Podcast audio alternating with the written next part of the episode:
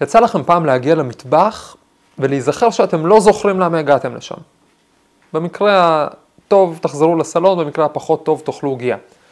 זה בערך מה שקורה לסטודנטים כשהם מגיעים לאוניברסיטה בשביל ללמוד, אבל מגלים את עצמם רודפים אחרי ציונים באופן אובססיבי. ואם לגלות סוד, לפעמים זה גם מה שקורה למדענים שמגיעים לאוניברסיטה בשביל לגלות אמיתות חדשות, ומגלים את עצמם רודפים באופן אובססיבי אחרי כל מיני מדדים לתפוקה מדעית. מתי מדד הופך ליעד? למה נהגי אמבולנס בבריטניה עזבו את האמבולנס ועברו לאופניים? איך מודדים איכות של מדען? על ידי מספר אחד מדויק, ואיך לזייף אותו, כולל טיפים. שלום לכם, ברוכים הבאים, תודה שהצטרפתם אליי לפודקאסט, המדע מחפש משמעות, אני דוד אייזנברג, אני פרופסור לכימיה בטכניון, בפודקאסט הזה מדברים על הצדדים השונים והמגוונים של היצירתיות השלמה. היום נדבר על המדד שהפך להיות יעד, איך לא ליפול במלכודת.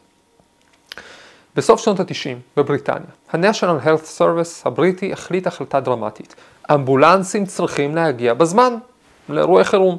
הוא אפילו קבע זמן יעד, שמונה דקות.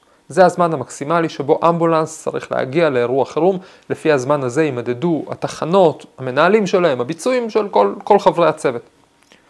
ואז קרה מה שקרה, מה שקורה כשהופכים מדד למטרה בפני עצמה. התחילו כל מיני שטויות. קודם כל, התחילו בעיות ברישום, מאוד מעניין, מסתכלים על רשימות של כמה זמן לקח בפועל להגיע, לפי הדיווחים של הצוותים. מעניין שאף צוות לא כתב שהוא הגיע לשעון בשמונה דקות ושנייה, שמונה דקות ועשר שניות, זה לא קרה. אבל קרה הרבה פעמים לפי הרישומים שצוותים הגיעו בשבע דקות חמישים ותשע, שבע חמישים וחמש וכדומה. זה לא הכי מוזר. כי אחרי כמה שנים בעצם שהתוכנית הזאת רצה, נערך סקר אנונימי רחב היקף, פורסם כמאמר מדעי מאוד מעניין ואפילו קצת מצחיק, שבו ראיינו בעצם פרמדיקים, ראיינו את הצוותים ואת כל חברי, אה, כל מי שהשתתף בדברים האלה, אה, על החוויות שלהם, והם סיפרו שמאז שקבעו להם את היעד הזה של שמונה דקות, מאז שהתחילו להעריך את הביצועים שלהם לפי היעד של השמונה דקות, הם התחילו לעבוד לקראת היעד. למשל, לפעמים נהג אמבולנס מגלה שיש לפניו פקקים, שהוא לא יספיק להגיע עם האמבולנס תוך שמונה דקות, אז הוא היה עוזב את האמבולנס בצד, עולה על אופניים, ומגיע לתאונה או לאירוע בזמן. יש שיגידו שזה קצת מצחיק שהוא מגיע לאירוע בזמן, כי הוא השאיר את האמבולנס עם הציוד מאחור, אבל העיקר שהוא יוכל לכתוב שמונה דקות. אולי עדיף להגיע אחרי תשע ולהביא את האוטו הגדול עם כל הציוד בפנים, ולא עם התיק חובשים על הגב, לא יודע. שמונה דקות היה אמור להיות מספר שמאפיין טיפול יעיל. הוא היה אמור להיות מדד לביצועים טובים של צוות חירום. אבל ממספר שמאפיין, כלומר ממדד, הוא הפך להיות יעד בעצמו. מה שגם הוריד את האיכות שלו בתור מדד, ותכלס אפילו הפך אותו לקצת מזיק. גם בעולם הטכנולוגיה קורים דברים כאלה, למשל כשרוצים להוציא לשוק מוצר חדש ומורכב, למשל מצלמה דיגיטלית, היא צריכה לעשות הרבה דברים שונים. ואנשים שונים, צלמים שונים, ישתמשו בה באופן שונה, כל אחד ירצה להפיק ממנה תכונות אחרות. אבל לך תסביר עכשיו לצרכן הממוצע, ואתה רוצה למכור הרבה מצלמות, אז אתה רוצה להגיע להרבה צרכנים ממוצעים, שהם לאו דווקא צלמים מקצועיים, אתה רוצה להסביר להם שהמצלמה שלך יותר טובה מהמצלמה של מישהו אחר. אתה צריך מספר, אחד, קליט, יפה, שיתפוס את הכל, או לא יתפוס, העיקר שימכור. ככה נוצר משהו שנקרא ב... ב בספרות או אה, אה, אה, ברחבי האינטרנט בתור המגה פיקסל רייס, מרוץ המגה פיקסלים. כלומר, כל יצרן התחיל להשוויץ בפרמטר הזה כמה מגה פיקסלים המצלמה שלו יודעת לצלם. כלומר, מה הרגישות של הגלאי, כמה נקודות יכולות להיכנס בגלאי שיבנו את התמונה השלמה. כמה נקודות נפרדות. עכשיו, זה טוב מגה פיקסלים, נותן תמונה חדה יותר, יותר טוב להדפיס אותה, ובהתחלה באמת המדד הזה היה בעל ערך, כי כשאנחנו מצלמים את המשפחה בטיול ביער, אה, לא נעים אחר כך להסתכל על התמונות ולהתקשות להבחין בין אה, ילד לבין שיח, במיוחד ששניהם מכוסים בבוץ. אבל עם הזמן, המדד הזה הפך להיות ממדד ליעד. כל חברה דחפה עוד ועוד מגה פיקסלים, שלאו דווקא כבר צריך. לפעמים בשביל לשים לב להבדלים בין מגה, מספר המגה פיקסלים של מצלמה אחת לאחרת, צריך להדפיס את זה בגודל של פוסטר, ואני לא מדפיס תמונות של ילדים מכוסים בוץ בגודל של פוסטר. לעומת זאת, כל מיני תכונות אחרות של המצלמה, שדווקא נחוצות לצלם הביתי הממוצע לאותו צרכן, כמו האם היא יודעת לצלם מהר ולתפוס רגעים ש, של תנועה, האם היא יכולה לצלם בחושך, האם היא יכולה לשרוד את זה שיפילו אותה לתוך נחל. כל הדברים האלה לא נכנסו לתוך המדד הזה של מרוץ המגה פיקסלים שהשתגע מבחינת הכספים שהושקעו בפיתוח גלאים יותר ויותר מתקדמים שלא ממש צריך. וזה מוביל אותי למדענים. מילא למדוד ביצועים של צוותי חירום, או של מצלמות דיגיטליות, אבל אם אפשר למדוד ביצועים של מדענים, בלי להפוך מדד ליעד. הפיזיקאי הארגנטינאי, בעצם ארגנטינאי אמריקאי, חורכה הירש, הוא חוקר של מוליכי על באוניברסיטת סנטה ברברה בקליפורניה. ולפני משהו כמו 20 שנה, הוא נתקל בבעיה. הוא שם לב שהוא נמצא במין אה, אה, אה, מלכוד. הוא מרגיש שכתב, שהמאמרים שהוא שולח לפרסום, לכתבי העת הכי נוצצים, הכי נחשבים, לא מתקבלים. אולי הוא אומר כי הרעיונות שלו הם אה, אה, יותר מדי אה, חדשניים, יותר מדי קוראים תיגר לקונסנזוס, הוא לא יודע. מה שהוא כן יודע זה שהם מתקבלים בכתבי עת אחרים, ואחר כך הרבה אנשים מצטטים אותם. זאת אומרת, אנשים משתמשים בתגליות שלו. מצד שני, כל ועדות הקידום האוניברסיטאיות, כל פרופסור צריך לעבור ועדות, לקדם אותו מפרופסור מאסיסטנט לאסושייט, ממשנה לחבר, מחבר למלא, כל מיני כאלה, ועדות הקידום האלה רוצות לראות שהוא מפרסם באותם כתבי עת, וזהו, זה מה שמעניין אותם, וציטוטים פחות עניינו אותם. אז הוא הציע מדד, הוא אפילו פרסם את זה כמאמר קטן ונחמד, הוא אמר שצריך למדוד משהו אחר, הוא הציע בעצם מספר שיאפשר לסכם את האיכות במרכאות של מדען על ידי מספר אחד.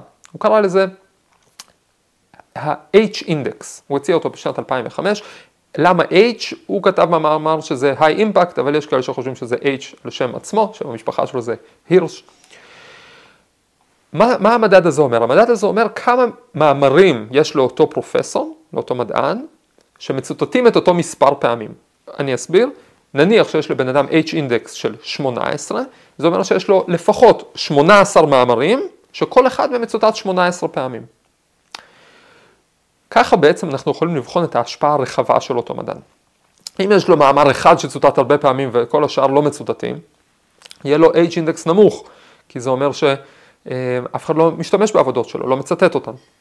מצד שני, אם הוא גם מפרסם הרבה מאמרים וגם המאמרים שלו מצוטטים באופן רחב, זה אומר שיש לו תרומה אה, אה, לתחום המחקר שבו הוא פועל, ואז יש לו H אינדקס גבוה.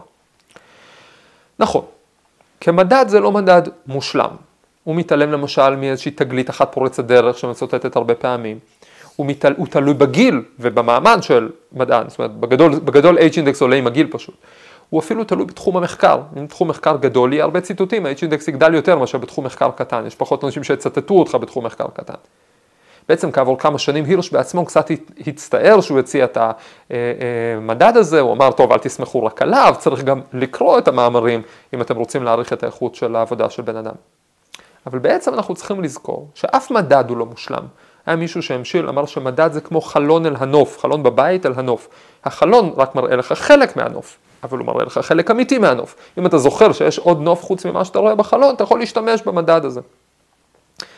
אבל ברגע שהופיע מדד, הוא התחיל להפוך להיות יעד. אנשים נכנסו לתחרות. בפרק 51 דיברתי על תחרותיות, בפרק 45 על מאבקי קרדיט, כל הדברים האלה הצטרפו עכשיו לתערובת אחת נפיצה של אגו, טבלאות ליגה וחוסר כנות. למה חוסר כנות? כי כל מדד, גם את ה-H-Index, אפשר להנדס. כמו נהגי האמבולנס, גם מדענים מהנדסים את ה-H-Index שלהם. רוצים לדעת איך? הנה כמה דרכים. איך אפשר להעלות את ה-H-Index שלך, או שלך. קודם כל אפשר להקפיד על לצטט את עצמך כמה שיותר בכל מאמר. זאת בעיה שנקראת Self-Citations. לא משנה שאתה מפרסם מאמר כשאתה כבר לקראת פנסיה, אל תשכח לצטט את כל מה שעשית מאז הדוקטורט. גם תשים לב לצטט את המאמרים שלך שבדיוק עומדים לעבור את רף ה-H-Index, בדיוק לעזור לך להיכנס ל-18 פעמים 18 ציטוטים וכולי, או 20 או 100 וכולי. עוד שיטה, אל תסתפק לצטט, בלצטט את עצמך. אתה מוזמן לייסד מעגלי ציטוטים, ככה מכנים את זה בספרות שמנסה להתמודד עם זה, citation cycles או circles. זאת אומרת, חברים שלך, סטודנטים שלך, אתה תצטט אותם, הם יצטטו אותך, אתם יכולים להחליט על זה, אבל אתם יכולים גם פשוט לעשות את זה באופן טבעי, פשוט תצטט אנשים מהקליקה שלך ומהחבורה שלך והם יצטטו אותך בחזרה וככה הציטוטים של כולכם יגדלו בלי שתצטטו את עצמכם הרבה זמן ויהיה אפשר לעלות על זה.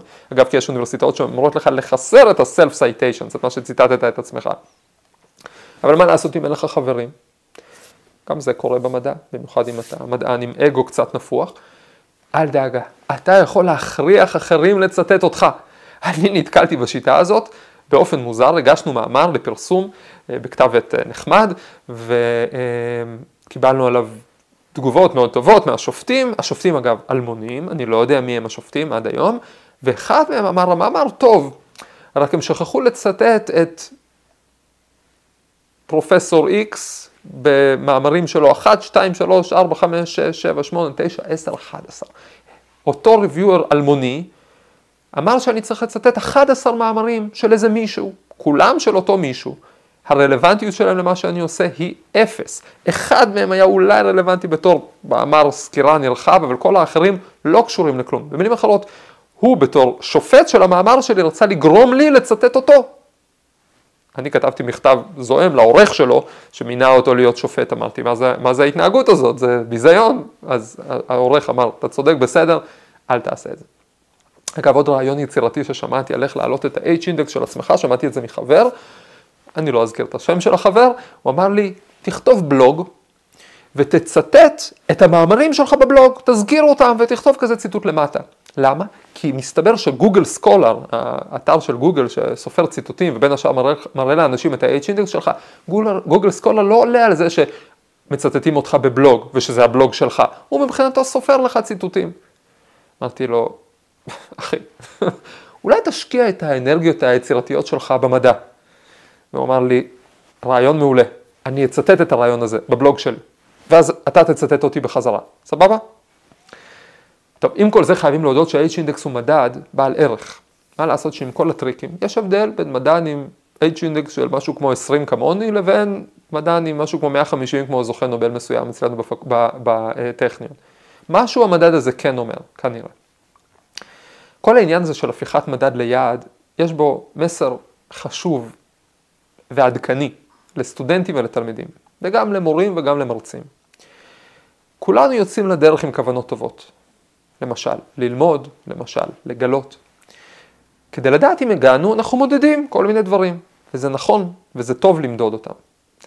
אבל כשמדד הופך ליעד, אנחנו בעצם ממירים את הרצון הפנימי שלנו, ללמוד ולגלות, באיזשהו רצון חיצוני, לעקוף מישהו באיזושהי טבלה, לקבל יותר גבוה באיזשהו מספר.